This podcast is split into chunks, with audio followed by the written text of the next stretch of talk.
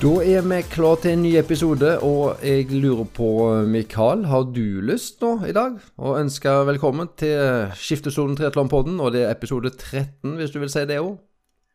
Jo, jeg kan jo si velkommen til Skiftesonen Triatlonpodden, episode 13. I dag så er det, er det intervju av litt landslagsutøvere som er på planen. Det første skal vi innom Lotte Miller, som er, sitter i Frankrike, og så har vi resten av elitelandslaget som sitter på en annen hytte nede i Frankrike, som vi òg skal få snakke litt med i forbindelse med VTS Hamburg og faktisk verdensmesterskapet i triatlon, som kommer om en liten uke. Ja, det skal vi gjøre, men det har jo òg skjedd eh, litt eh, her i Norge i det siste. I dag er det søndagskveld den 30. Eh, august. Vi har snakka med både Lotte og den andre gjengen fredag og lørdag, så vi skal få snart komme inn og få høre deg. Men uh, i uh, sist helg, uh, Mikael, så var det jo et triatlon. Åsane triatlon. Ja, sesongen åpnet med et, med et brak i Åsane. Um, det ble det ble ganske tøff konkurranse i, i hvert fall herreklassen. Så um, det var Endre Espedal som stakk av med det. Et lite minutt foran uh, Cedric Bakke Kristoffersen. Og så har du, hadde vi to til landslagsutøvere på plassene bak. Og så Ja, det var, uh, det var egentlig relativt tøff konkurranse på herresiden der. Um, på kvinnesiden var det litt tynnere felt. Men uh, det, ble, det, ble, spennende der når vi hadde en Marlene Wull som kjørte ganske sterkt på sykkel og tok igjen da Ida Barrows, men Ida tok og løp ifra som ventet. Men eh, det var, ikke, det var ikke så veldig store avstander på de som var varitet. Så det var en eh, spennende og kjekk konkurranse. Ja, spennende både på herre- og damesida der. Og i dag Vi har jo tidligere hatt en episode med en, for en race brief til Coastman. NM i langdistanse. Og der vet vi jo det er jo en, en del som har fått hørt på den. Og i, i dag var selve løpet med med flere klasser. Det var vel òg eh, fulldistanse der, men uh, den selve NM-distansen var jo den halvdistansen, da, som en 70,3. Det var vel òg olympisk der, men selve NM kommer jo i Stavanger om, om et par uker. Men uh, Coastman og NM halvdistanse, Mikael, hvordan er det der i dag? Nei, det, det var i hvert fall tøft på kvinnesiden på, for elite. Uh, det var uh, det var mye flere kvinner enn menn med, så det, var, det er ganske, ganske gøy. Um, Julie Aspesletten tok uh, til slutt seieren. Trude Stormo på andre og Gunhild Berntsen på tredje. Så jeg har ikke helt fulgt med i hele dag, men det har vært litt, litt skifting av plasser gjennom hele dagen. Så det ble ikke så, så fryktelig stor avstand til slutt, egentlig. På herresiden så var det var det bare tre um, elitemenn som uh, kom seg til mål, og til start òg. Um, så Christian Grue tok det kanskje eh, Det var vel ikke stor bombe at han skulle ta det. Uh, vinner til slutt med syv minutter foran Lars Petter Stormo og Jan Morten Raa på, på tredjeplass. Han skal vel ikke helt uh, ta disse proffutøverne som, uh, som, er med. Men det er litt gøy å se at det har blitt var så mange med på NM langdistanse.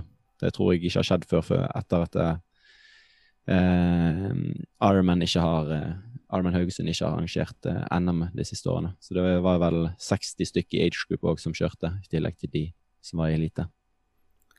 Ja, jeg hørte et uh, lite intervju med han vinneren, Kristian Grue, som sa til, til Frank, som filma og intervjua rett etter målgang, at han så vel på dette som en liten gjennomkjøring til Ironman i Tallinn, som han skulle kjøre. Jeg lurer på om det var allerede neste helg. Var det var det, det samme løpet som, som du kjørte i fjor, Mikael?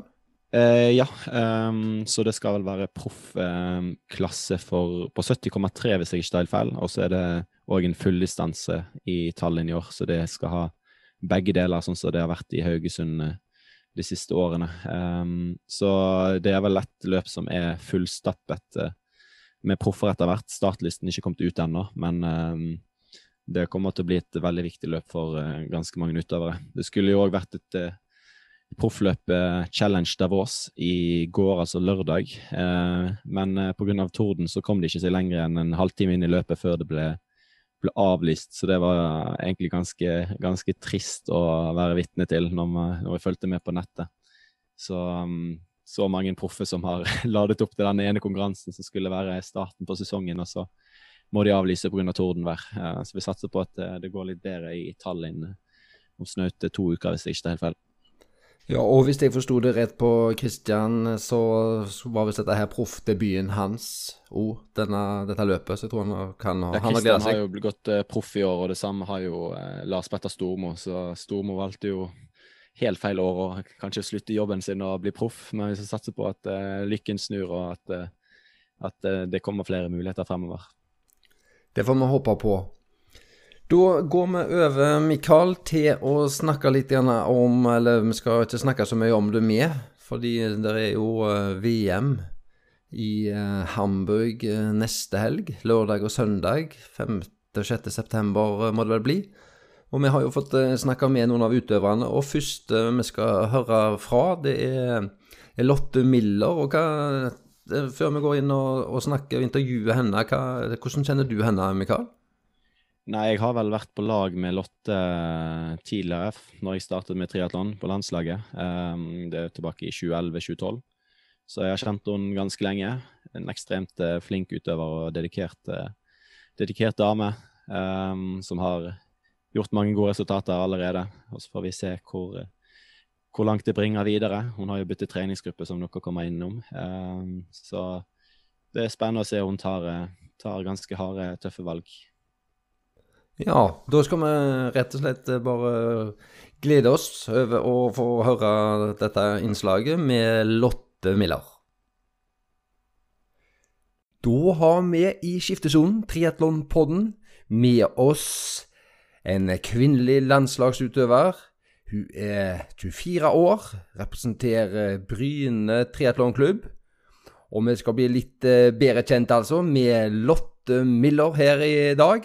Og først og fremst, takk for at eh, du ville være med oss.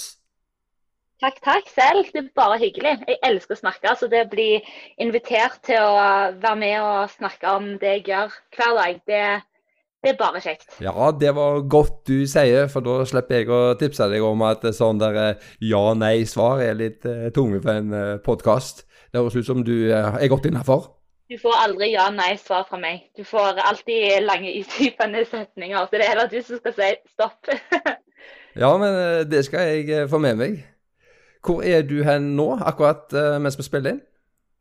Jeg sitter i køysenga mi i Les Angeles i de franske Pyreneene på 1600 meters høyde. Så jeg er i en treningsleir nå som leder inn mot Hamburg neste helg.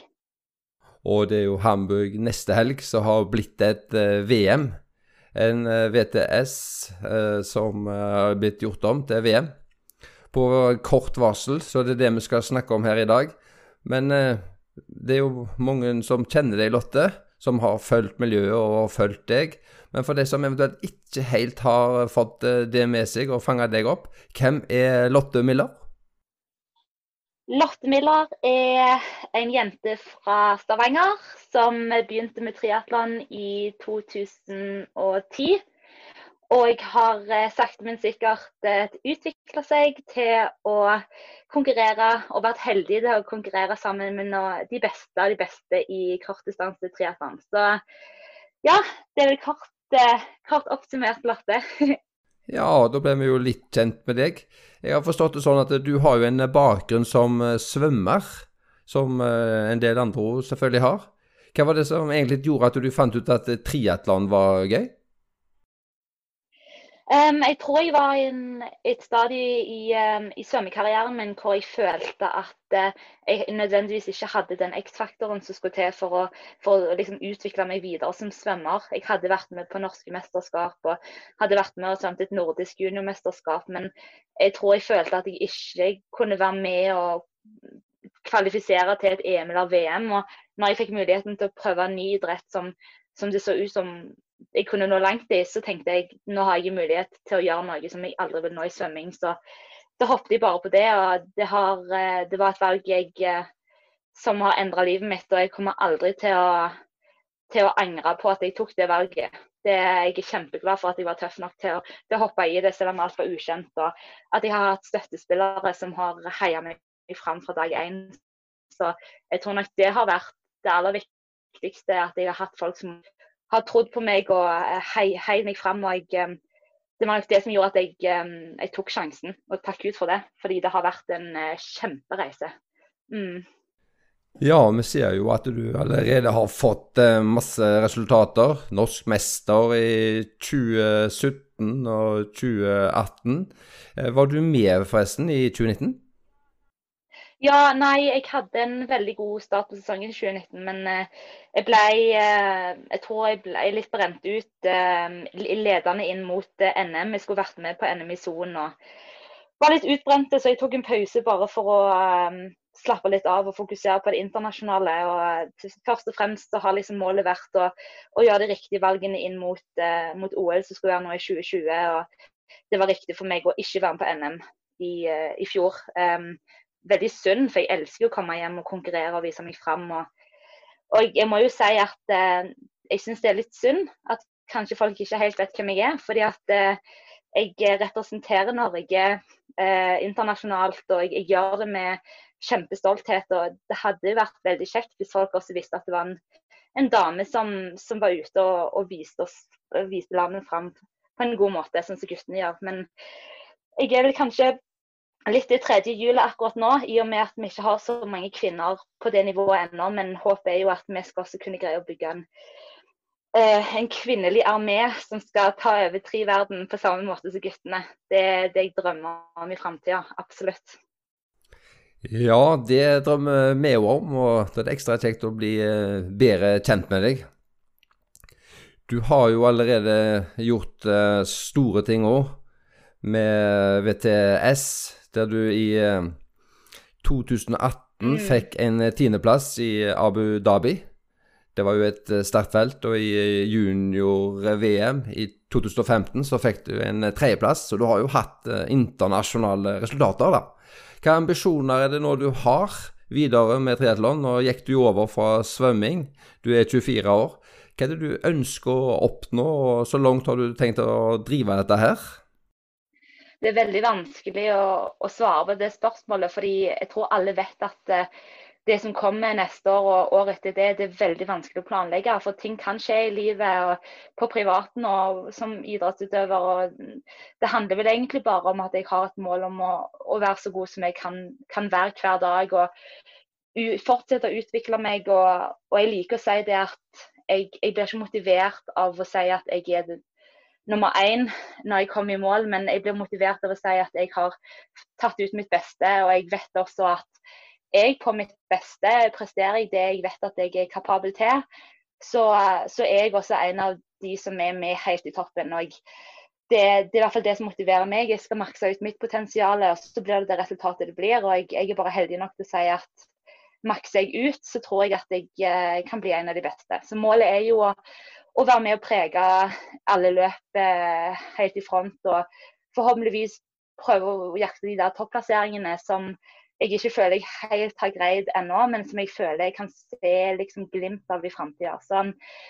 Det handler vel egentlig om å utvikle seg, og når jeg føler at jeg eh, ikke kan det mer, og jeg føler at motivasjonen er vekke, så må jeg stille meg spørsmål om jeg vil fortsette med dette her. Men eh, målet nå har vært OL nå i 2021, det blir jo 2021 neste år, forhåpentligvis. Og i Paris 2024. Og jeg er heldig nok til at jeg kjenner at jeg har uh, mersmak, så kanskje blir det 2028 òg. Men den tid, uh, den sak, tenker jeg det, altså, det, Nå fokuserer vi på det som vi har foran oss, og forhåpentligvis så blir det en lang og kjekk karriere. Mm.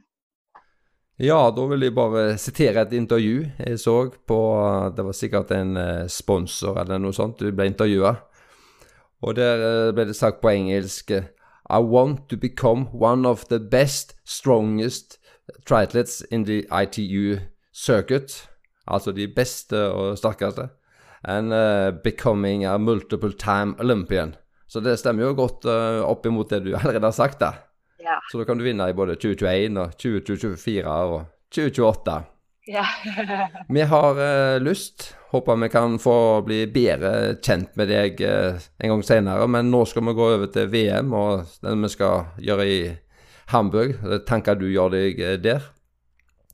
Jeg vil også bare si, altså I Kondis, det bladet nettsida, så gjorde du et intervju i 2020, nå i juni, som heter 26 kjappe med Lotte Miller. Så for de som vil bli enda bedre kjent med Lotte Miller, så kan de både lese og se der. Og samtidig så vil vi i Skiftesonen, Triatlonpodden, både spørre og innstendig be Lotte om vi kan få lov å gjøre noe lignende med deg, Lotte, sånn at vi jo kan få lov å bli bedre kjent med deg på en eller annen uh, senere anledning. Da hopper vi videre og kommer rett inn på det her med VM og neste helg i Hamburg. Opplegget i Hamburg, det skulle jo være en eh, VTS, som har sagt, men eh, nå har det altså plutselig blitt et eh, VM, og det var jo bare noen dager siden. Og da Hva dine tanker omkring den plutselige endringen der, og fristen er jo faktisk gått ut for mange til å melde seg på. Det er flere som ikke har fått meldt seg på. Hva tenker du om at det skjedde så brått? Først og fremst så, så, tenker jeg at dette her er 2020, og ingen hadde sett for seg at 2020 eh, skulle, skulle ende opp sånn som, som, de, sånn det ser ut nå. Um, så jeg er ikke sjokkert at det kommer ut med noe så uventa. Altså, vi hadde jo håpet at det kom noen konkurranser. Jeg tror på mange måter at Nei, det var kanskje ikke helt gjennomtenkt, fordi jeg føler at mange utøvere blir Altså, det er ikke Tenk litt på respekt sant, for andre utøvere, folk som ikke får lov til å delta, og folk som ikke har, liksom, har tiden til å melde seg på. Og ja, vi som utøvere vet at det er ikke et VM vi går til, selv om det har fått verdensskapsmest mesterskapstittel. Men utenifra så er det veldig mye verdi i å si at du har blitt verdensmester. Og det er ikke nødvendigvis folk utenfor idretten som vet at det var et skal vi si, ugyldig verdensmesterskap. Um, så jeg kan forstå at det er mange som sitter frustrerte, fordi at det er en sjanse de går glipp av med tanke på sponsorat. og Det er en verdensskapsmestertittel. og og det er mye verdi i det med tanke på business og, uh, og sånn. Uh, men jeg tror at den som vinner uh, neste helg i Hamburg, jeg tror ikke de vil med hånden på hjertet si at de er verdensmestere. I og med at det er så mye, mye respekt oss utøvere imellom at vi vet at ikke alle var på startstreken, og det var mange som hadde lyst og som ikke hadde muligheten til å reise inn fra Australia, New Zealand, USA. Så um, jeg tror nok folk vet at når de stiller til start, så den som vinner, det er ikke nødvendigvis verdensmesteren i 2020. Um, men vi tar, med, vi tar det vi kan få. Jeg tenker Vi glemmer litt den der VM-tittelen og bare tenker at det her er et løp med veldig mange gode utøvere til start. og Det er bare å gå ut og ha det kjekt. og um, Kommer du først i mål, så kommer du først i mål. Men um, det er litt sånn, jeg tror det er litt sånn subjektivt hvem som vil uh, egentlig anse det som et gyldig verdensmesterskap eller ikke. Har du hørt noe fra andre utøvere, både de norske og for så vidt de internasjonale, de andre, hva de har, hva som blir sagt, og hva er oppfattelsen av at dette plutselig ble et VM sånn på kort frist? Eh, ja, en, altså jeg har um, Jeg er jo akkurat nå så er jeg på, på leir med, uh, med verdensmesteren på, på herresida, uh, franskmann uh, Vincent Louis. Og um, han syns jo det han, han synes det er latterlig. Jeg tror han ser at han kan godt vinne i Hamburg og kan si at han er ja, reigning og world champion, men Altså, jeg tror han, han syns at det, det, er ikke kult. Altså, skal du være verdensmester, skal du kjempe mot de beste. Og, eh, det er mye frustrasjon fra de som, som, sitter fast i New Zealand og Australia, som ikke har hatt muligheten til å planlegge dette her. Eh, som, som er litt på slutten av sin karriere. Jeg tror nok det her rammer litt mer de eldre utøverne.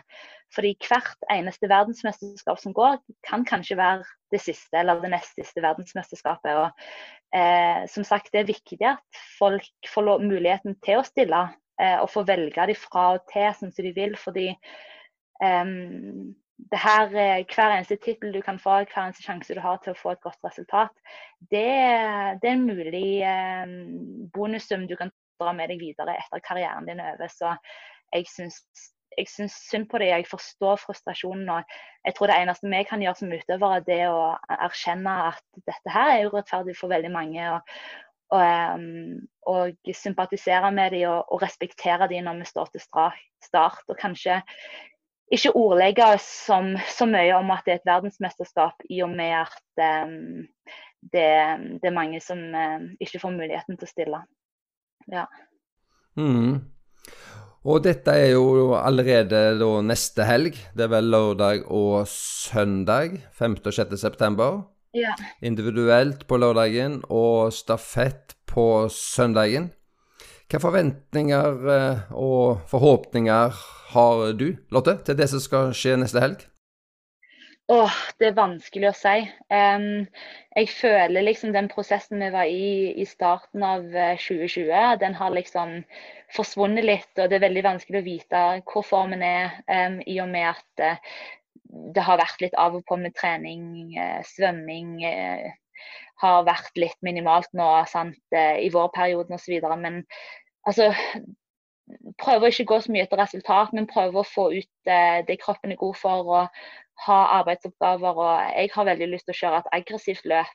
Um, bare kjøre hardt på svøm. Og, og, selv om det er en veldig flat og lite teknisk rute på sykkel, eh, ta sjansen. Eh, skape noe hvis det er en mulighet for å skape noe. Og jeg tror at eh, hvis det er et løp nå som du kan prøve å eh, gamble litt på, så er det dette her. For det er veldig mange som ikke helt vet hvor formen er, og de, de tør kanskje ikke ta sjanser. Og da hvis du er en av de som er villige til å risikere litt og, og gå litt kamikaze eh, i håp om å, om å, få litt suksess, så, så tror jeg at det kan godt være at um, det kan gå hele veien inn. Så det er litt min strategi. altså Vær smarte, men, men også ta sjanser, fordi det kan faktisk gi, uh, gi gevinst på slutten. Så um, det er i hvert fall uh, det jeg tenker på lørdag. Og, uh, og, egentlig samme strategi på søndag. Det er kort, kort stafett på, på, søndag, og der skal vi bare ut og ha det kjekt. Mm.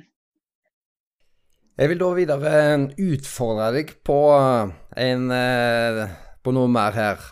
Hvis vi da forsøker å tenke at eh, det skal være ja, omtrent realistiske uh, muligheter, da, men uh, hvis du skal prøve å beskrive et, et drømmescenario Altså ja. selvfølgelig et drømmescenario selvfølgelig til å vinne, men hvis du skal beskrive de tre disiplinene og et drømmescenario den helga, og, og da som sagt innenfor realismen et forventa scenario, hva du tror kan og vil skje, og siste ord at eh, hva er det verste scenarioet som du ser for deg eh, kan, eh, kan bli? Um, drømmescenarioet er å egentlig ha en, en, god start og komme opp i fritt vann. Og uh, være kanskje jeg tenker tre-fire jenter som greier å få en, en god luke, altså et par sekunder på svøm, og som, som er med ut av skiftesonen altså T1, eh, og dermed bare blir Det blir kjørt fra første, første tråkket, og alle er med. og Hvis vi kan få en 50 sekunder til ett minutts luke, det er jo altså virkelig når alle har investert alt. Um, og, og komme av sykkelen med en sånn ja, 45 til 1 minutts luke. 45 sekunder til 1 minutt. Så Eh, så håper jeg at eh, løpet kan holde inn til en topp fem. Det er drømmescenario, eller det er drømmescenario innenfor realistisk syn, ja. Ja, det var gøy. Akkurat det løpet, det som du eh, beskriver der nå, det gleder meg til å, til å se. Og hvis vi nå skrur på realismen, nå har jo du vært med før, og du vet jo hva du går til, og sånn forventa da. Hva, hvordan tror du egentlig det går nå i helga? Åh, ja det, um, Jeg tenker det at um, det kan godt være at det er en gruppe på 10-12 stykker som, som, er med ut av skiftesonen. Og um, at vi, hvis vi greier, greier, å holde det gående, altså alle har lyst til å være med og jobbe, selv om det er en flat løype, fremdeles holde en, ganske god avstand fra den gruppa og, og ned til gruppe 2, 3, 4 og på den måten komme meg inn til en topp 13 11.-12.-plass, det hadde vært kjempe, kjempekjekt. Um, jeg håper jo, altså jeg er ikke helt um, sikker på løpinga mi ennå. Det her er en prosess som jeg har starta nå med, med, å prøve å gjøre meg selv så robust som mulig til neste sesong. Og jeg uh, ikke nødvendigvis har så mye fart i meg, men jeg håper at folk sliter på sykkel. Um, selv om det er en noenlunde lett løype, så kan du gjøre det tøft for de andre. Um, og jo mindre gruppe i front, jo bedre. Men, men ja, 10-12 stykker som sammen jobber, og alle har lyst til å jobbe og, og komme inn til en topp 13, det, det tror jeg er kanskje um, mer realistisk enn drømmescenario, men jeg tror jo på drømmescenarioet. Og verste scenario er jo selvfølgelig at du blir syk og ikke stille og banker i bordet. Det må ikke skje. Men eh, hvor er det du ser for deg at det kan skje noe som ikke skal skje? og er det, er det løp som er den antatt svakeste disiplin, eller er noe annet som kan skje av sånne mer fysiske ting? Verste scenario der? Nei, altså jeg tror jeg tror altså verste scenario er at alle sammen sitter på sykkelen sammen. Eh, og det, altså, det, er rundt 40-50-60 stykker i ett felt. Eh, det er veldig Jeg har hørt at det er veldig smale veier. altså Det, det er ikke stor bane vi har. Og, bare ligge helt bak oss og ikke kunne komme fram på sykkel. Og på den måten ikke få lov til å, å, å få ut det jeg er god for. Um, og at det bare blir kluss og mye rykk og napp og strategisk, og alle kommer av sykkelen sammen. Det tror jeg er det verste scenarioet, fordi da er det ikke triatlon, da er det jo mer et løpeløp. Uh, og det vil jo, jeg vil helst unngå det, i, hvis jeg kan få velge. Ja, det løpet vil ikke jeg heller se. Det er at du ligger bak og stanga ikke kommer forbi. Men det er spennende drømmescenario et greit forventa scenario, men det, det, det, verste der eh, var ikke noe vi ville ha med oss. Lotte, du har jo vært eh, med oss lenge nå. Og så nå eh, er det endelig ei som skal stille på lag med deg og være med. Altså Stine Dale. Vi skal bli bedre kjent med Stine en gang senere. Hun var for så vidt med oss litt på første, en av de første episodene når hun løper testløp, men nå skal vi jo stille et lag omsider. Og når eh, dere nå stiller et lag, hvem andre enn eh, Stine og deg er det som stiller av guttene, tror du? Um, altså, um, Jentene er på mange måter vi allerede valgt inn, i og med at det er kun to jenter som, som er med til Hamburg. Men uh, guttene Jeg er litt usikker på om jeg går for uh, de to raskeste på lørdagen individuelt. Om det er de som kvaler direkte til stafettlaget, eller om jeg går for en type hvem føler at de er sterkest, og hvem føler de har mest å bidra med med tanke på stafetten. Fordi jeg tror det er litt avhengig av hvem som har lyst til å stille på de ulike etappene. Så jeg tror nok det blir en diskusjon mellom resultatene fra lørdagen og, og en vurdering av hele laget sammen med trener uh, og ønske å stille. Og så blir det samla til en beslutning som da forhåpentligvis gjør oss et godt lag. Men vi har et ønske om å være med og, og prege løpet, og, og, da må vi være med fra starten av. Så jeg tror at begge meg og Stine er ganske avklart med at uh, jeg stiller som nummer én. Um, og prøver å være med helt i front til veksling nummer to. Uh, og kanskje da er, er, vi heldige nok til å kunne greie å, å rykke og skape noe i, på andre etappen, sånn at Stine har litt buffertid på sin etappe. og så gjør hun den etappen vi vet at hun er kapabel til å gjøre. Og da er vi, da er vi med i front ennå. Så har vi en kjempeankeretappe, og, og så får vi se hva det holder til. Men uh, i og med at uh, veldig mange av de beste lagene ikke stiller, Australia, New Zealand, uh, USA vil kanskje også litt handikappa med at de kanskje ikke nødvendigvis har de beste med til start. Så, så, tror jeg at det er kjempemuligheter for å, å kjempe seg fram i feltet. og Stafetten er også mer individuell. Det er mye, mye kjøring alene. og det, det, kan egentlig si at det, Vi er forberedt på å kjøre enkeltstart alle sammen. og Vi vet at vi er veldig gode og sterke, robuste syklister. og Her er det bare å sette hodet ned og legge seg i bøylen og, og, og gønne på og makse ut. og Jeg tror at er det noen som har fordel av, av det feltet og, og den type dynamikk og strategi, så er det Norge. Så um, vi håper jo at vi, vi, kan levere noe som får folk til å tenke nei, nei, nei, nå har Norge et lag. Søren òg, det her har vi frykta i mange år. Nå er det endelig en realitet. Um, for det tror jeg at um, vi kan. Uh, men vi må legge en god strategi, og vi må legge eh, riktige utøvere på de riktige tappene. Og, og, være gode til å bare bite tennene sammen og, og, få ut det beste i, i alle. Mm. Er det en typisk kandidat til siste etappen av disse gutta krutt, som du vil si, eller er det form og resultater på lørdagen som avgjør det meste?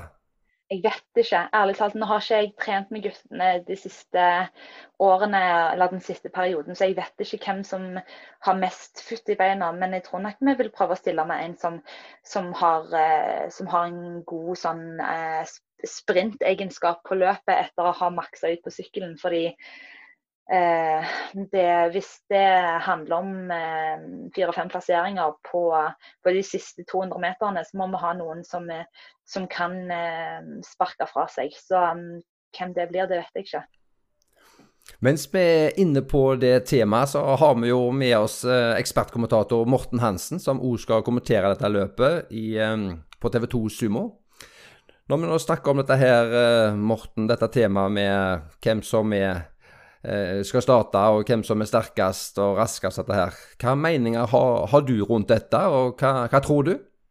Nei, Det kommer til å bli veldig spennende å se hvem som faktisk får stille, stille, til start. Det er jo en del som mest sannsynlig ikke kommer til å få muligheten til å reise til Hamburg, som er på startlista. Og det er jo mange utøvere som står på en venteliste. så eh, Blant annet Vetle Bergsvik Thorn er jo på ventelista, så han håper jo han får kjøre, kjøre med de andre gutta. Og det kommer nok til å påvirke ganske mye dynamikken i løpet. Det at uh, det er veldig usikkert hvem som er der. Man får liksom ikke vite hvem som stiller i løpet før uh, dagen før, tenker jeg, når uh, briefing og alt sånne ting kommer til å være. Men jeg gleder meg til å kunne kanskje intervju intervjue Lotte seinere ved en annen anledning, når vi får kanskje satt av litt bedre tid, kanskje litt bedre nett, og bare få snakka om hvordan Lotte sin karriere har vært. Da, for hvis man bare går inn på ITU sine sider og ser på resultater som Lotte har oppnådd som en av de eneste jentene Norge har hatt på triatlonsida, så er det jo eh, en ekstremt imponerende liste. Og det viser jo at eh, selv om kanskje guttene er de som har fått best oppmerksomhet, så har jo Lotte vært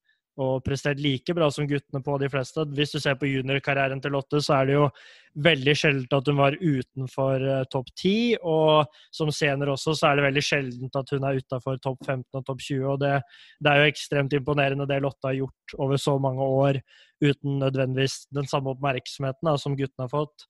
Og sist Lotte kjørte i Hamburg, var jo i 2018, hvis det stemmer, Lotte? Ja. ja. Og den nye løypa som skal kjøres i Hamburg nå, er jo ganske lik den gamle løypa på mange måter, i og med at det er flatt, det er veldig rask løype. Den nye er nok hakket smalere, hakket mer aggressiv i forhold til at uh, det er mer frem og tilbake, siden det er kortere runde på sykkel.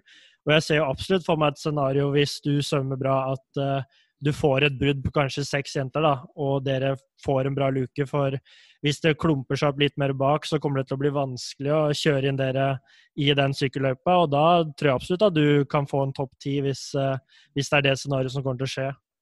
Mm. Men uh, vi har jo, som sikkert mange vet og ikke vet, at uh, Norge har jo prøvd å kjøre uh, miksstafett i junior-EM-sammenheng og Eh, senior. Og det har jo vært veldig varierende resultater, men nå er jo du frisk og rask igjen. Og Stine har jo tatt veldig store steg de siste to årene, så jeg har jo absolutt troa på at uh, Norge kan bite veldig bra fra seg på stafetten hvis alle får ut det de er gode for, og vi stiller med de riktige utøverne på de riktige plassene. Det blir uh, veldig spennende. Jeg gleder meg skikkelig. Og nå, Lotte, nå går vi inn i siste uka her før VM, og du er på treningsleir. Hvordan ser siste uka di ut nå, med, sånn, med tanke på reising og, og de viktigste nøkkeløktene dine, sånn kort oppsummert? Hvordan, hva skal du eh, gjøre nå den siste uka med reising og sånn? Eh, planen er å allerede i morgen, på lørdag, så, så forflytter vi oss ned til, til lavlandet. Så drar jeg til Frankrike um, og får et par dager der med lavlandstrening og egentlig det er ikke så mye som kan gjøres den siste uka uansett. Det er å hvile og um, få jobbe litt med farten og godfølelsen. Få litt oksygen i blodet igjen. Og, um, eh, og spise og slappe av og altså, snakke positivt til seg sjøl. Gi seg sjøl et boost sånn selvtillitsmessig. For jeg tror nok det er det du kan vinne mest på den siste uka inn mot konkurranse. Og så på onsdag så, så, hopper jeg på flyet fra, fra Frankrike til, til, Hamburg. Og da er det de siste dagene inn mot løpet. Få finjustere alt utstyret, og, og, så er det klart til kamp eh, lørdag. Så ja, åh, jeg får gåsehud bare av å snakke om det. Men eh, det blir godt å komme i konkurransedrakten igjen og, og, få kjenne litt på, på nervene og, og, få sett de andre inn i øynene og liksom Nå er, nå er jeg klar til kamp. Det, det, tror jeg veldig mange kjenner på at det, eh, det blir godt.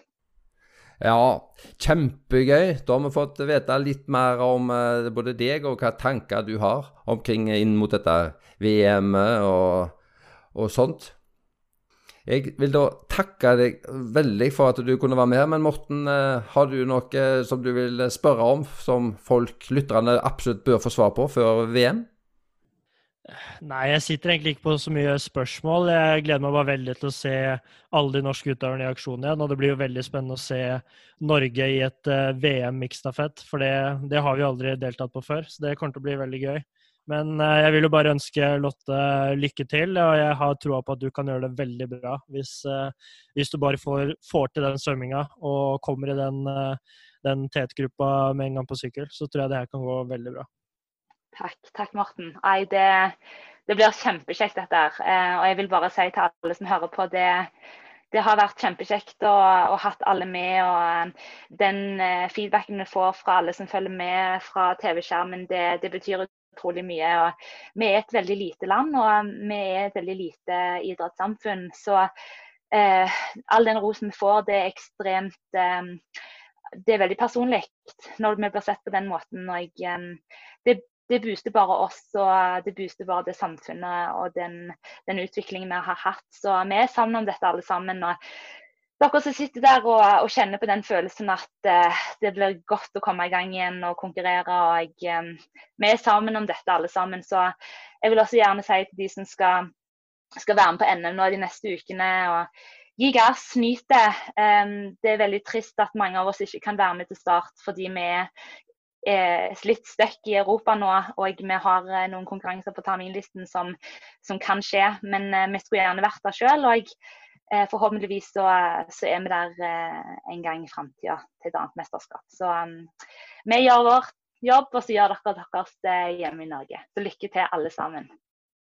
Det var så fine ord, Lotte, at vi lar det, de bli de siste i denne sendingen, eller dette innslaget med deg. Vi sier tusen takk for at du var med oss, og lykke til. Takk skal dere ha. Ha det bra.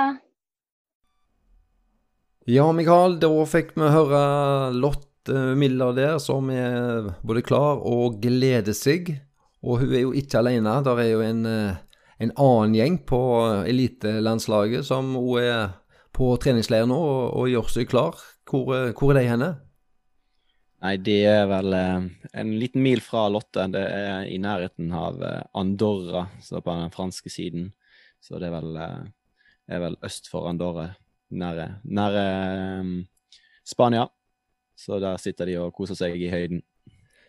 Når vi fikk intervjua både Christian Blummenfelt og Gustav Iden og Kasper Stornes og Stine Dale, så satt de rundt PC-en til, til Christian, og de satt inne i ei hytte som de har lekt, og det var en, en god gjeng. Så det var, det var veldig sosialt rundt den PC-en. Jeg tror lyden ble sånn, sånn noenlunde.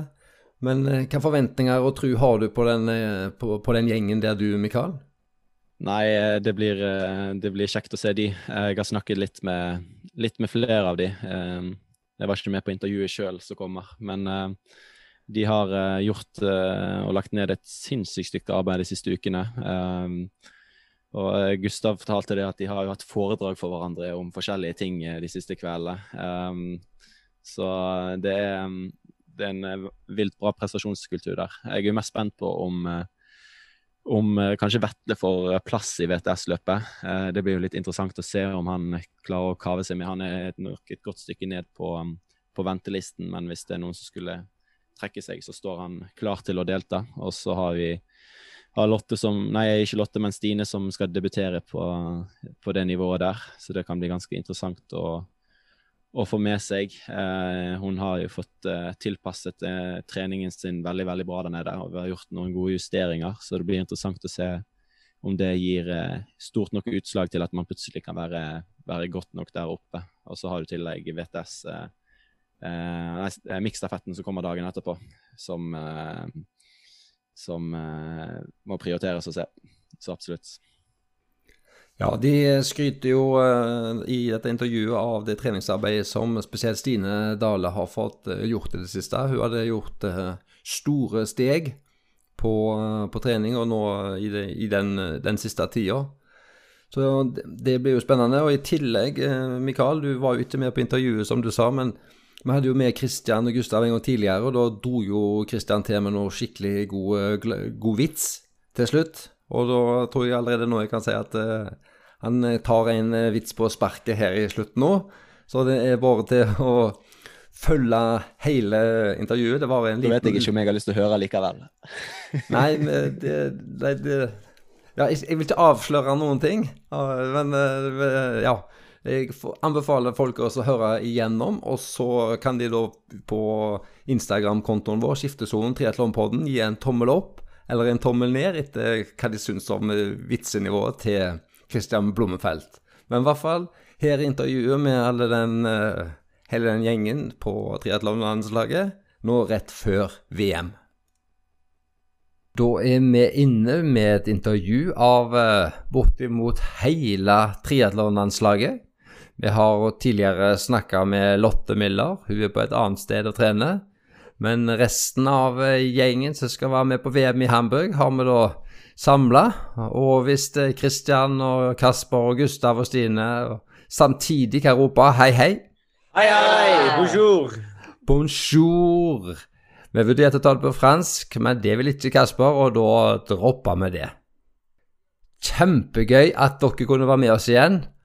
Og nå eh, spesielt til Kristian Augusta som har vært med før. Stine har jo hatt en liten gjesteopptreden i forbindelse med testløp 5000 meter, og har etter det bare tatt nye sprang.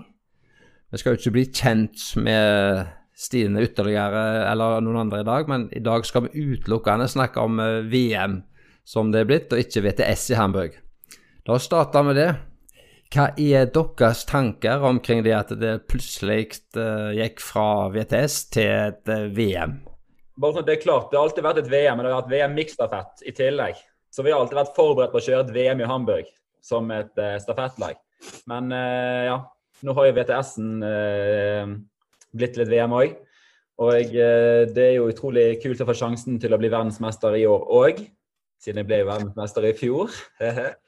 så, eh, så, er det gøy. Det har vært noen klager på at, eh, at VM ikke burde vært på sprint, og at hele verden ikke får være med. Men for min del så syns jeg bare det er kult at de får sjanse til å arrangere et VM. Jeg tror egentlig det jo, blir ikke et vanlig år uansett hvordan du snur og vender på det. Men jeg tror eh, det er fint at ITU velger å ha et VM, selv om det er en del som ikke får kommet pga. reiserestriksjoner og, ja, og så videre skal nå sies at det er ingen fra utenfor Europa som har vunnet VM for herre siden de siste 15 årene, så de har hatt muligheten tidligere. så det er vel ikke bare korona som har gjort det, at de ikke har vunnet før. Men uh, hvis vi da ser på deg, Stine Dale. Du er jo en uh, debutant uansett, og har mer eller mindre bare blitt kasta inn i et VM, og ikke en VTS. Hva tenker du om det? Altså For min del hadde det vært, eh, om det hadde vært VTS eller om det hadde vært VM, så hadde det vært første gang på begge deler. Så for min del er det stort uansett. Så um, ja. Nei, jeg er bare spent, jeg. Litt nervøs, men uh, mest spent. Så uh, ja, det blir kjekt å prøve seg mot de beste og se, hvordan, uh, se hvor landet ligger, holdt på si. Jeg tipper det er lettere i og med at det er noe som koronaløp, at det er ingen tilskuere. At det ikke får kjent på de nervene det egentlig er å kjøre Hamburg. For nå blir det litt som å kjøre testløp med en VM-tittel på spill istedenfor å kjøre Hamburg med jeg vet ikke hvor mange hundre tusen de sier det er å se på. Så Stemningen rundt løpet blir jo annerledes, og kanskje enklere å debutere i. Og deg, Kasper, sånt, eh, når du, det plutselig ble VM for deg Du var nå uansett forberedt på VTS, da, men hvilke forventninger har du til det som nå skal skje? Eh, jeg har veldig lyst til å være med og kjempe i toppen her, så det vil jo sikkert alle. Eh, så, men formen har egentlig vært eh, positiv og var litt stang ut nå i Chateau der vi eh, kjørte fransk Grand Prix. Men jeg tror det var ganske fint å få kjørt det før, før Hamburg nå. Så kan vi terpe litt på de små tingene som jeg bør jobbe med inn mot konkurransen. Så jeg tror for min del det kan bli bra. Vi har eh, tidligere spurt Lotte Miller om akkurat det samme, men eh, det gjelder sånn ulike scenarioer. Hvis vi starter med deg, Kristian. Christian.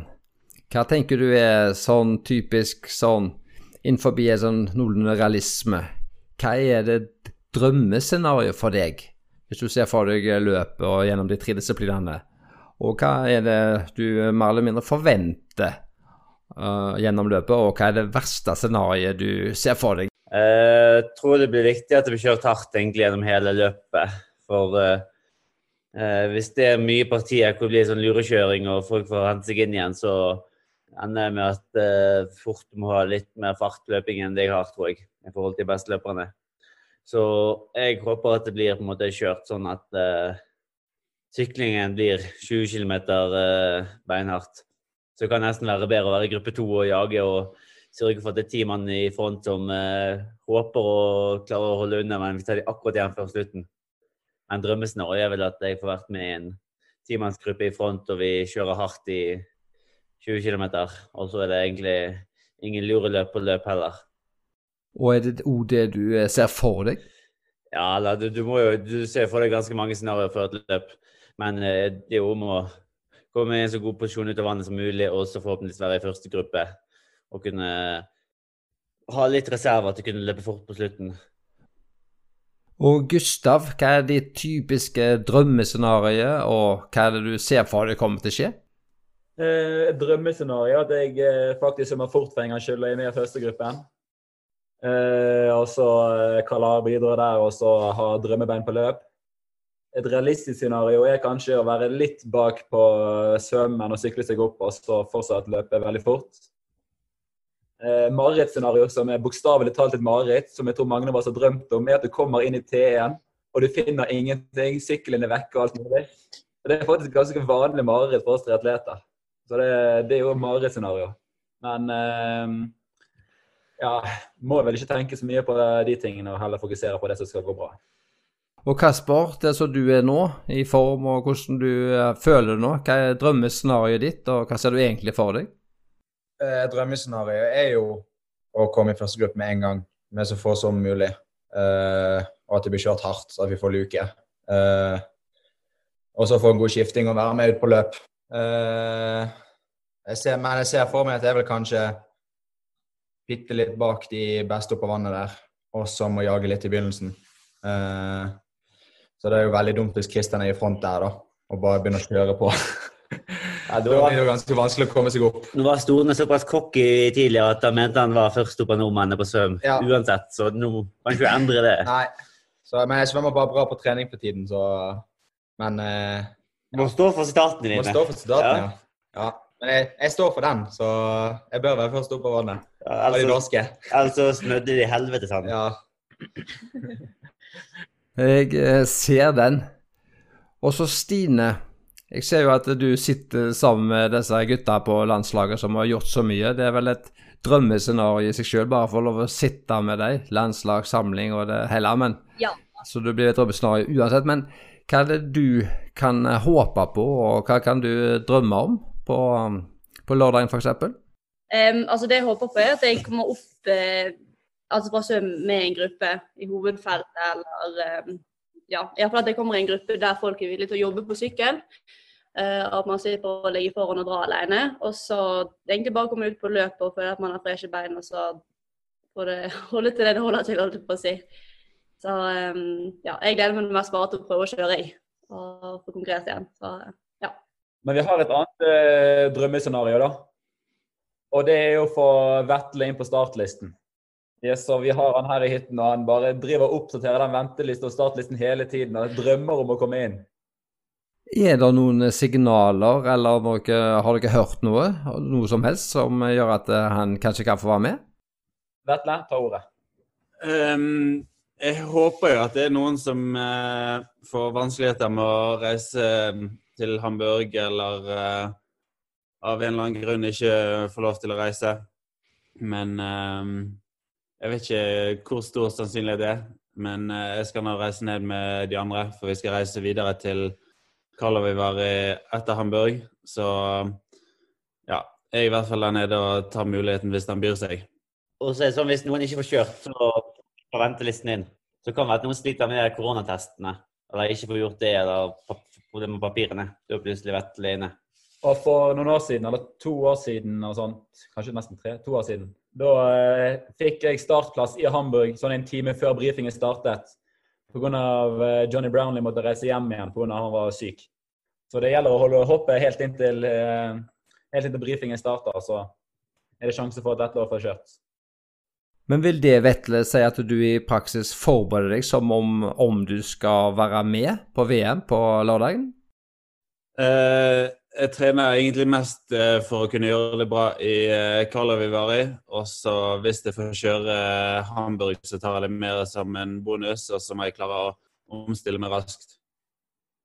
Da har vi hørt litt forventninger og scenarioer og drømmescenarioer fram til lørdagen, der den individuelle delen er. Og så har vi jo nå noe veldig gøyalt på søndagen, det at Stine er med, og at det ser ut som vi nå får et godt og slagkraftig eh, stafettlag til søndagen der. Og hvis vi da spør dere guttene her eh, Mikael Iden sa tidligere i dag at eh, jeg måtte spørre dere, høre dere, hva syns dere egentlig om at Stine nå har tatt steg, og at hun er på laget, og at vi får til å stille et lag. og Da lurer jeg på hva tenker dere om at nå, nå er vi på plassen? Det har vært veldig gøy å se utviklingen hennes bare her oppe høyde, på høydeleiren. Hun har selvfølgelig trent utrolig bra før, men jeg synes hun har tatt ekstreme steg her oppe. Og nå har hun faktisk passert 70 i O2, som er ganske bra, eh, bra på jentesiden. Da har du tatt steg, Stine, og det, det var jo virkelig bra. og hva tenker du nå veien videre der, da? Hva ønsker du å bruke dette oksygenopptaket til? At eh, man har lyst til å være den med høyest O2-opptak på jenter i verden, da. Og det vi har funnet ut på nettet, er iallfall at det ligger på 78. Så eh, ja, der ligger målet. Men eh, hvordan bidrar Stine inn da, inn i laget? Og hva har hun å tilføre, og hva kan dere få til? Eh, nei, Hun bidrar jo eh, med mye energi inn i laget. og ja, jeg tror eh, I hvert fall det vi har sett utviklingen hennes her nå, så jeg tror det kan bli veldig bra. Så det er jo bare å prøve å henge med på svømmingen eh, så godt vi kan og få en eh, Nå har ikke vi bestemt oss helt men eh, hvem skal starte og sånt, men det er vel sikkert Lotte som starter. Så vi håper at hun henger med der og vi får en litt flying start. og at nestemann som kjører Eh, vi, vet, vi, har ikke tatt ut laget på herresiden, det er vel de to beste som kjører. Så at de kan klare å eh, ta inn, eller eventuelt få et forsprang eh, når eh, Stine starter. Så at hun kan være med i gruppen og ja. Så jeg tror vi kan gjøre det ganske bra. Men Kristian, eh, vil du si at eh, det nå er Gustav og Stine som er moroklumpene i laget? Som er de som skal skape det gøyale, eller er du fortsatt oppe der og nikker? Jeg, vi hadde jo en god vits av deg sist. Ja, jeg føler jeg er oppe der og nikker, og Stine har ikke tatt noe trone der. Hun er mer sånn ny og beskjeden og ja, Det er nok fremdeles de gamle gutta som er eldst der. Men det som er utrolig bra med Stine i gruppen, er at det er lett å ha et target på alle vitsene. Så alt går utover henne, og hun tar det med et smil, så det er ganske lett å lage vitser i leiren nå. Pga. ingen som blir sur. Før så brukte vi Kasper som vitse, liksom, mottaker av vitsen, men han blir jo så jævlig forbanna. Så det er litt lettere med Stine, hun bare smiler. Og så blir hun sånn ah. så, det, så det er greit. Men er det ikke sånn det egentlig er da, Kasper, at uh, det er gøyere å mobbe folk som blir litt forbanna, eller? Jo, jo. Det er jo eh, gøy å mobbe de som blir forbanna. Men ja. Eh, ja. Heldigvis er ikke jeg så langsur, da. Så det går så godt. Så ja. Men jeg, jeg, jeg får høre det fortsatt. Så det går ikke bare utover Stine. Du sa òg dette med laget som ikke var tatt ut helt eh, ennå. Går du da på resultater på lørdagen med sånn amerikansk uttak, eller er det andre vurderinger som ligger til grunn for eh, uttaket? Har alle lyst til å kjøre? Har vi lyst? Jeg har lyst. Jeg tror ikke Gustav også har lyst, da. Men Kristian har veldig lyst. Ja, alle har vel lyst, sånn det blir vel eh, det enkleste egentlig bare å bruke lørdagens resultat. Eventuelt eh, resultatet fra kjøtt og rå, og så har vi egentlig å lage en strategi derfra. Ja, men eh, er det enighet rundt dette med Arild og sånt? Eh, Er det sånn at eh, det er resultatene på lørdag, at de som kommer øverst opp, bestemmer om de vil kjøre på søndagen? Vi har faktisk ikke blitt helt enige om det, men alle har bare regnet med at det er sånn det kommer til å bli. Hvis det skal bli liksom diskusjoner eller snakk innad i laget om hvem som skal kjøre, så tror jeg aldri vi blitt enige. Så det er lettere å bare ta utgangspunkt i resultatene fra lørdag. Og hvis alle er enige om det, så er det ikke noe problem å akseptere det heller. Så er jo såpass ærlig at hvis du gjorde det best, men føler deg helt jævlig sliten eller vondt i beina, så er det ikke noe problem å gi fra seg en plass heller. Nei, det viser jo at uh, dette laget virker som et godt lag med god lagmoral og god lagfølelse. Dere jobber for uh, hverandre. Det er jo veldig kjekt. Så mange inne på den individuelle guttesiden føler dere uh, er de største ka ka kandidatene. Det er jo flere som ikke har kommet ned nå, men allikevel så er det jo et sterkt startfelt. Det er fortsatt vanskelig å vinne, men så mange vil dere si er reelle utfordrere nå i tall på, på lørdagen. Nå husker jeg ikke hele startlisten i hodet, men uh, Gomez fikk vel sjansen til å komme tilbake igjen. Jeg tror han strøk seg igjen. Uh, Målet kommer vel, Vansa. Brown i gange to. Sånn at det er jo egentlig de som da har vunnet VM-tittel de siste 15 årene. Sånn at uh, uh, det er nok ikke noe gratisseier i år. Nei, og det er nå helt eh, sikkert. Og Morten Hansen, du har jo eh, mange ting du sikkert lurer på. Nå har du hele fine gjengen fra landslaget foran deg, så bare skyt løs. Nå har jo du spurt alle spørsmålene jeg skrev opp, så det er jo egentlig ikke noe godbiter igjen til meg. Vi kan jo ta de beste resultatene som dere har jo kjørt tidligere, da. Foreløpig så er det jo Christian med niendeplass fra 2017 som har det beste norske resultatet i Hamburg. Eh, Du vil vel kanskje forbedre den eh, siden den er tre år gammel og det ikke har gått bedre siden da? Eh, du kan egentlig ikke si Hamburg og Hamburg, for eh, dette er en helt ny løype etter sånn ute i en boring park. Ganske egentlig Det viktigste her er at det ikke kommer tilskuere, egentlig. Sånn at du kan egentlig ikke sammenligne resultatene med tidligere Hamburg-løp. Men jeg tror det er viktigere å se hva du har gjort på sprintdistanse tidligere. Og der har jeg faktisk en Og der har du jo vært på pallen. Ja, pall. Sånn at jeg har vært oppe der både i VTS og eh, i Grand Prix-løp mot de aller beste. Så at, eh, jeg håper bare at det blir kjørt eh, hardt fra start. Og så at eh, midtpartiet på løpet er hardt òg, for å egentlig gi mest mulig fatigue på konkurrentene. Ja, det er, jo, det er jo en ny løype i Hamburg, men samtidig så er det også en veldig lik løype på mange, løp, på mange måter, siden det er en ganske trang løype, det er flatt, det er, det er veldig mye av de samme elementene, selv om sykkelløypa kanskje har litt flere runder. Eh, men Ja, jeg vil si Sykkelløypen er egentlig ikke så veldig lik. Da har du to eh, 180-gradere og så en ganske snill sving, som vi har sett det. Eh, og det at det er smalt, det er egentlig eh, en fordel, vil jeg si. på når Det kan være det vanskeligere å kjøre sammen som et felt, da, eh, hvis det kommer bakenfra. Så det er lettere å kjøre enmannsløp opp i et felt og være lettere å kjøre ifra. Så ja, løypen på sykkel er ikke så veldig lik. Det er mye mer uh, rein TT-egenskaper med to vendinger. Så det er litt annerledes. er det. Men løp er jo bare paddeflat med litt sånn grus og da kan vi jo hoppe rett over til deg, Gustav. Du har jo beste med 11.-plass fra i fjor. Hva tenker du om den plasseringa? Hva er du fornøyd med den i fjor? Jeg er kjempefornøyd med 11.-plass utenfor topp ti. Det er jo drømmen. Du hadde jo en av de beste løpstidene, men kanskje tidenes dårligste T2. Eh, ja. Eh, den har jeg fortrengt, så bra du tok den opp. Nei, det er, det er muligheter for å få bedre enn 11.-plass. Jeg har vært i bra form i det siste, og jeg syns løpet vi hadde i, i Chateau gikk, rimelig bra. Og jeg, jeg har ofte prestert veldig bra når jeg kom ned fra høyden, så jeg satser på at det samme skjer igjen. Det har vi jo god erfaring fra med tidligere. Og da kan vi jo Lotte står jo foreløpig oppført med den tredje beste norske plasseringa der, med en 13.-plass. Og fjerdeplass på lista er jo Kasper. Du har jo vunnet World Series tidligere i Bermuda i 2018. Du har vært på pallen i Tokyo Test Event i fjor. Men i Hamburg så har det ikke gått så bra. Der er det jo en 28.-plass fra 2018 og 30.-plass fra 2019. Hva, hva er grunnen til at Hamburg ikke helt har vært din uh, by? Uh, nei, jeg har ofte blødd litt på sprint. Så jeg foretrekker jo olympisk distanse. Men uh, jeg syns i hvert fall sånn følelsen var i Chaterono på løp at hvis jeg får noen å løpe med, så kan det fort gå mye fortere. Uh, så jeg har nok ikke helt gitt opp uh, å kjempe i toppen der, i Hamburg. Så ja. Jeg tror nok at hvis jeg gjør smarte ting underveis i løpet, så kan det bli, kan det bli bra. Har dere gjort noe annerledes i treningen siden det har blitt gjort om til VM, eller går ting stort sett som det hadde gjort uansett om det hadde bare vært en World Series? Jeg skulle jo egentlig vært i Davos i dag og kjørte en halv, halv challenge, eller challenge halvdistanse. Men det valgte jeg å droppe for en uke siden når eh, vi fikk vite at eh, det ble eh, VM-tittel på spill.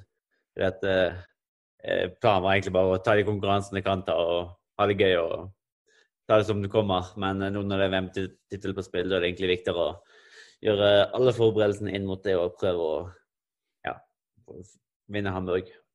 Så dere prøver å legge inn en litt mer topping mot Hamburg, eller er det bare at dere har droppa konkurranse nå helga før? Nei, det var bare jeg skulle kjørt uh, Davos. Men uh, jeg har prøvd å spisse formen inn mot sprintdistanse, for du trenger litt mer fart. Og det er jo litt, litt, litt annen kjøremåte på en sprintdistanse. Uh, så det er vel mer å trimme maskineriet inn mot det istedenfor olympisk eller egentlig bare generell form. Mm. Har dere lagt inn ekstra trening på skiftesonen? I forhold til at det er miksstafett, og vi har tidligere sett at det er mange som har tapt medaljer bare der. Vi prøver fokus på det på brikke på overgangsøktene. Det handler liksom om å få en rask eh, skiftesone. Og det vanskeligste er jo kanskje fra sykkel til løp. Nei, jeg har egentlig ikke så mye mer å stille spørsmål. Jeg, Sverre har jo gått gjennom det meste litt på, akselerasjoner da, for å komme til Hamburg og trene på akselerasjoner og lage inn litt sånn spurter ut av svinger. Vi har gjort et par sånn 15 sekunder inn i terskeldragene for å eh, tåle å gå over, gå over, terskel og så vaske det vekk igjen Vi kjører litt terskel etterpå. Og så nye akselerasjoner. Det har vært litt sånn race-spesifikk. Ja, det er jo bra. Det er jo godt å høre. Hvordan, eh, Hvis det skulle ende opp, i hvert fall på norske sida, da, at alle tre gutta er i en førstegruppe på sykkel, vil dere da prøve å kjøre sammen, eller kommer dere til å kjøre hver for seg og ikke bry dere noe om at resten av lagkameratene er der? Da kommer dere til samarbeidet med å bare kjøre ekstremt hardt. Så når strekkene er sånn 1600 meter lange, så får du liksom eh, er ganske bra eh, strekker du kan kjøre virkelig aero og pushe feltet. Så jeg tror nok eh, det er nok det eneste scenarioet. Det er vel mulig å gå i et brudd utover en sving, men hvis du har sett de akselerasjonene til Kasper og Christian, så vet jeg ikke om det, om det er der de skal gjøre det. Da er det i så fall at de må legge i front, og jeg må på en måte bremse feltet på en eller annen måte. Men ja, det skal være mulig å samarbeide for, å få de andre til å slite. Og så Hvis vi da er tre stykker, så er det fort to andre utlendinger som vil være med på dansen òg i front. Så da er plutselig fem stykker som kan uh, trykke på, og det er egentlig perfekt, det. Selv om du har en 15 stykker på hjul. Så hvis du da er fem stykker og deler på jobben i front, så, så gjør det på en måte at de andre utøverne får mer uh, fatigue og syre i beina enn det vi får da, for løpingen. Stine, jeg lurer jo da på en uh, ting. Alt er jo gøy nå for at du i det hele tatt får være med der, og det er kjekt for oss å følge med. og Det er jo gøy for deg, og sannsynligvis er det bare gøy å få lov å være med og gjøre gode erfaringer. Men jeg lurer på, hvis du nå skal få en litt sånn tung dag på, på lørdagen, så mye kommer du da til å å gi på? Eller så mye vil uh, søndagens stafett ligge i bakhovet, da? Eller vil du kjøre maks på lørdagen uansett? Ja. Jeg eh, tenker jeg ja, skal gjøre så hardt jeg kan, og så fort jeg kan, og så godt jeg kan. Så jeg tenker når man har mulighet til å være med på dette her, så er det ikke vits i å holde igjen på noe. Det, ja, da er det bare å kjøre på. Så eh, jeg tenker at jeg holder ikke noe igjen på lørdagen for å ja, gjøre det enda bedre på søndagen. Men eh, jeg vil gjøre det veldig bra på begge deler. Så ja. Selvfølgelig, men det vil si eh, at hvis du kommer litt bakpå og ikke er i noen gruppe på sykkelen, så kommer du til å jobbe og gjøre alt du kan for å kjøre deg opp igjen. og, og Det er ikke noe sparing da? Nei, jeg har ikke tenkt det iallfall. Det tviler på det, men eh, det kan gjerne Jeg bryr meg ikke om noe annet her etterpå, men eh, vi får se. Nei, det, Jeg, koster, eh, ja. det koster ikke så mye å kjøre en time hardt liksom, på en dårlig dag heller. Så det blir på en måte bare en utblåsning før søndagen. Og I tillegg så er hun veldig veldig bra trent, så jeg tror nok hun eh, tåler å kjøre litt hardt. Og det å, å spare seg på en konkurranse, det er en utrolig dårlig følelse. Og du føler liksom at eh, ja, Hva er poenget med det her? Så det å bare kjøre hardt inn til mål, det eh, tror jeg er det eneste riktige å gjøre. Enig. Da gleder vi oss enda mer til å følge med på disse sendingene i, eh, i helga. For uh, ingen får jo nå være publikum, men uh, hvis TV-sendingene blir gode, så skal det bli skikkelig kjekt og godt å få følge med. Da gjenstår det vel egentlig til Morten å bare ønske de lykke til. De må jo få lov å hvile. De har jo hviledag i dag og må få lov å ligge med beina høyt. Det er nå helt sikkert. Eller Kristian, Ja. jeg eh, lurer jo på, har du en liten avslutningsvits til oss? Kan bare fortelle om at vi skulle legge sove så lenge som vi kunne i dag, da. For jeg var litt trøtt hele gjengen. Så våkner vi av at Olav skriker i hytten. Vaskehjelpen er kommet! Og vi har vasking hver lørdag. Så da måtte plutselig alle opp og ut av hytten likevel. Klokken ni i dag, så Så er jeg velkommen eh, eller De kommer gjennom rommet mitt, og når jeg bor i sånn lite rom, så ligger det rart til. Så de må gå gjennom rommet mitt for å komme inn, eh, inn i hytten. Så jeg sto der og eh, ønsket de velkommen i boksen en dag tidlig. Så det var hyggelig å få en vaskedame på besøk. Ja, det vil jeg tro. Men eh, mer eller mindre hele Triatlons Norge har forventninger til dere, Kristian. Til en eh, god historie nå, en, eh, eller en vits fra, fra deg. Det går jo gjetord fra sist gang. Til og med Allan Hovde hadde hørt uh, vitsen fra deg, og var- syntes det var en kjempegod vits. Og da har vi egentlig lyst til å ha det som en sånn fast spalte, at Kristian forteller en uh, vits. Kan du eh, dra på en uh, vits nå? alle de jeg har nå, er faktisk upassende. Men det går fint. Vi prøver. Jeg klipper den ut hvis den er upassende. Um, det var jo en fødsel. uh, så var det mange folk rundt, og akkurat ungen kom ut, da. Den det første ungen spør om Hei, er du faren min? Og så sier du Nei. nei. Og så peker han på doktoren. Er du faren min? Og så sier doktoren nei. Så er du faren min? Nei. Jo, OK. jo. Er du faren min? Ja, jeg er faren din. Og så gjør ungen sånn. Ja, er dette godt? Du, fikk, podcast, ja. Du må kanskje forklare hva som skjer, siden det er ikke video på podkast. Det var da en eh, visuell beskrivelse av en som ble eh, dunka gjentatte ganger og regelmessig hastighet opp i eh, hodet med noe hardt og stort. Så eh, det er sikkert irriterende å bli dunka sånt hvis det skjer. Litt usikker på om jeg lar den stå, eller om jeg klipper den, men eh, det er i hvert fall en sånn litt sånn på kanten, eh, litt sånn smågrisete vits, det der. Ja. Rett rundt beltestedet. Rett rundt beltet, ja. Men eh, siden Allan Hovda likte sitt, uh, sist vits, så likte han sikkert også denne, så får vi se. kan jo bare sende klipp over til han, og så kan han bedømme om den kan Vi skal få han til å eh, prøve å få han til å kommentere på Instagrammen eh, vår, Skiftesonen, Triatlonpodden. Så får vi se om han kan bare gi en, tommel opp eller en eh, tommel ned. Så da, Allan, da har du fått utfordringen, og du trenger ikke si noe mer.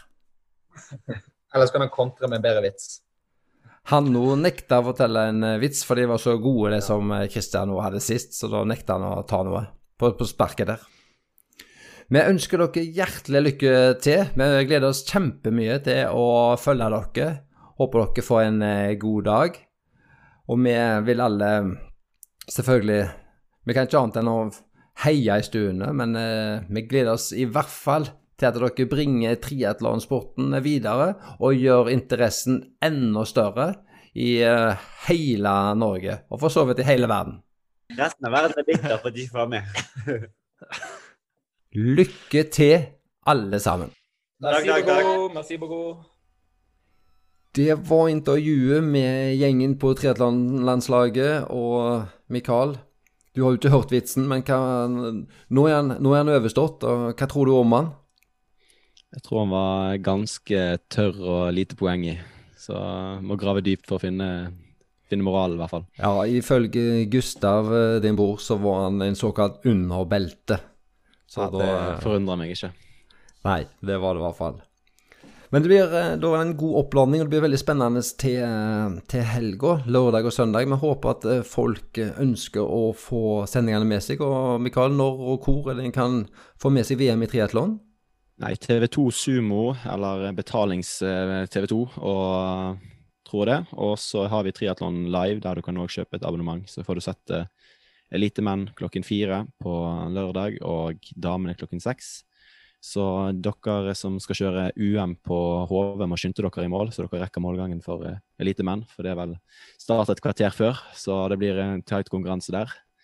Jeg skal egentlig være på HV og se på, så det blir eh, Får se hvem vi prioriterer. Nei da, vi skal klare begge deler. Eh, også på søndag så er det mm, miksstafett klokken 13.31 er start. Litt sånn teit tidspunkt forhold til, eller rart tidspunkt forhold til eh, at TV-sendingen skal starte. Så det tar ca. 1 time og 20 minutter med, med ganske intens underholdning. Og på søndagen eh, så er det vel på TV2 Sport1 som sender den, eller eventuelt den som du sa, Triatlon Live, der en kan kjøpe abonnement, ja. Ja, Mikael, skal vi bare ønske eh, både guttene og jentene da lykke til? Jo, vi får eh, si takk for de som har konkurrert, for god underholdning. Og så, så får vi si lykke til med treningen videre og inntil de neste konkurransene. Ja, og så får vi ta en opp, eh, oppdatering når, eh, når vi vet noe mer, og jeg håper at vi kan snakke om eh, norske verdensmestere, eller i hvert fall gode norske resultater, både kvinner og menn, og i miksstafetten. Vi får krysse fingre og tær for det. Kjempefint. Takk for i dag, og tusen takk for at dere hører på Skiftesonen, Triatlonpodden. Det er skikkelig gøy at uh, vi ser der er, der er folk der ute som er mange er interessert i triatlon.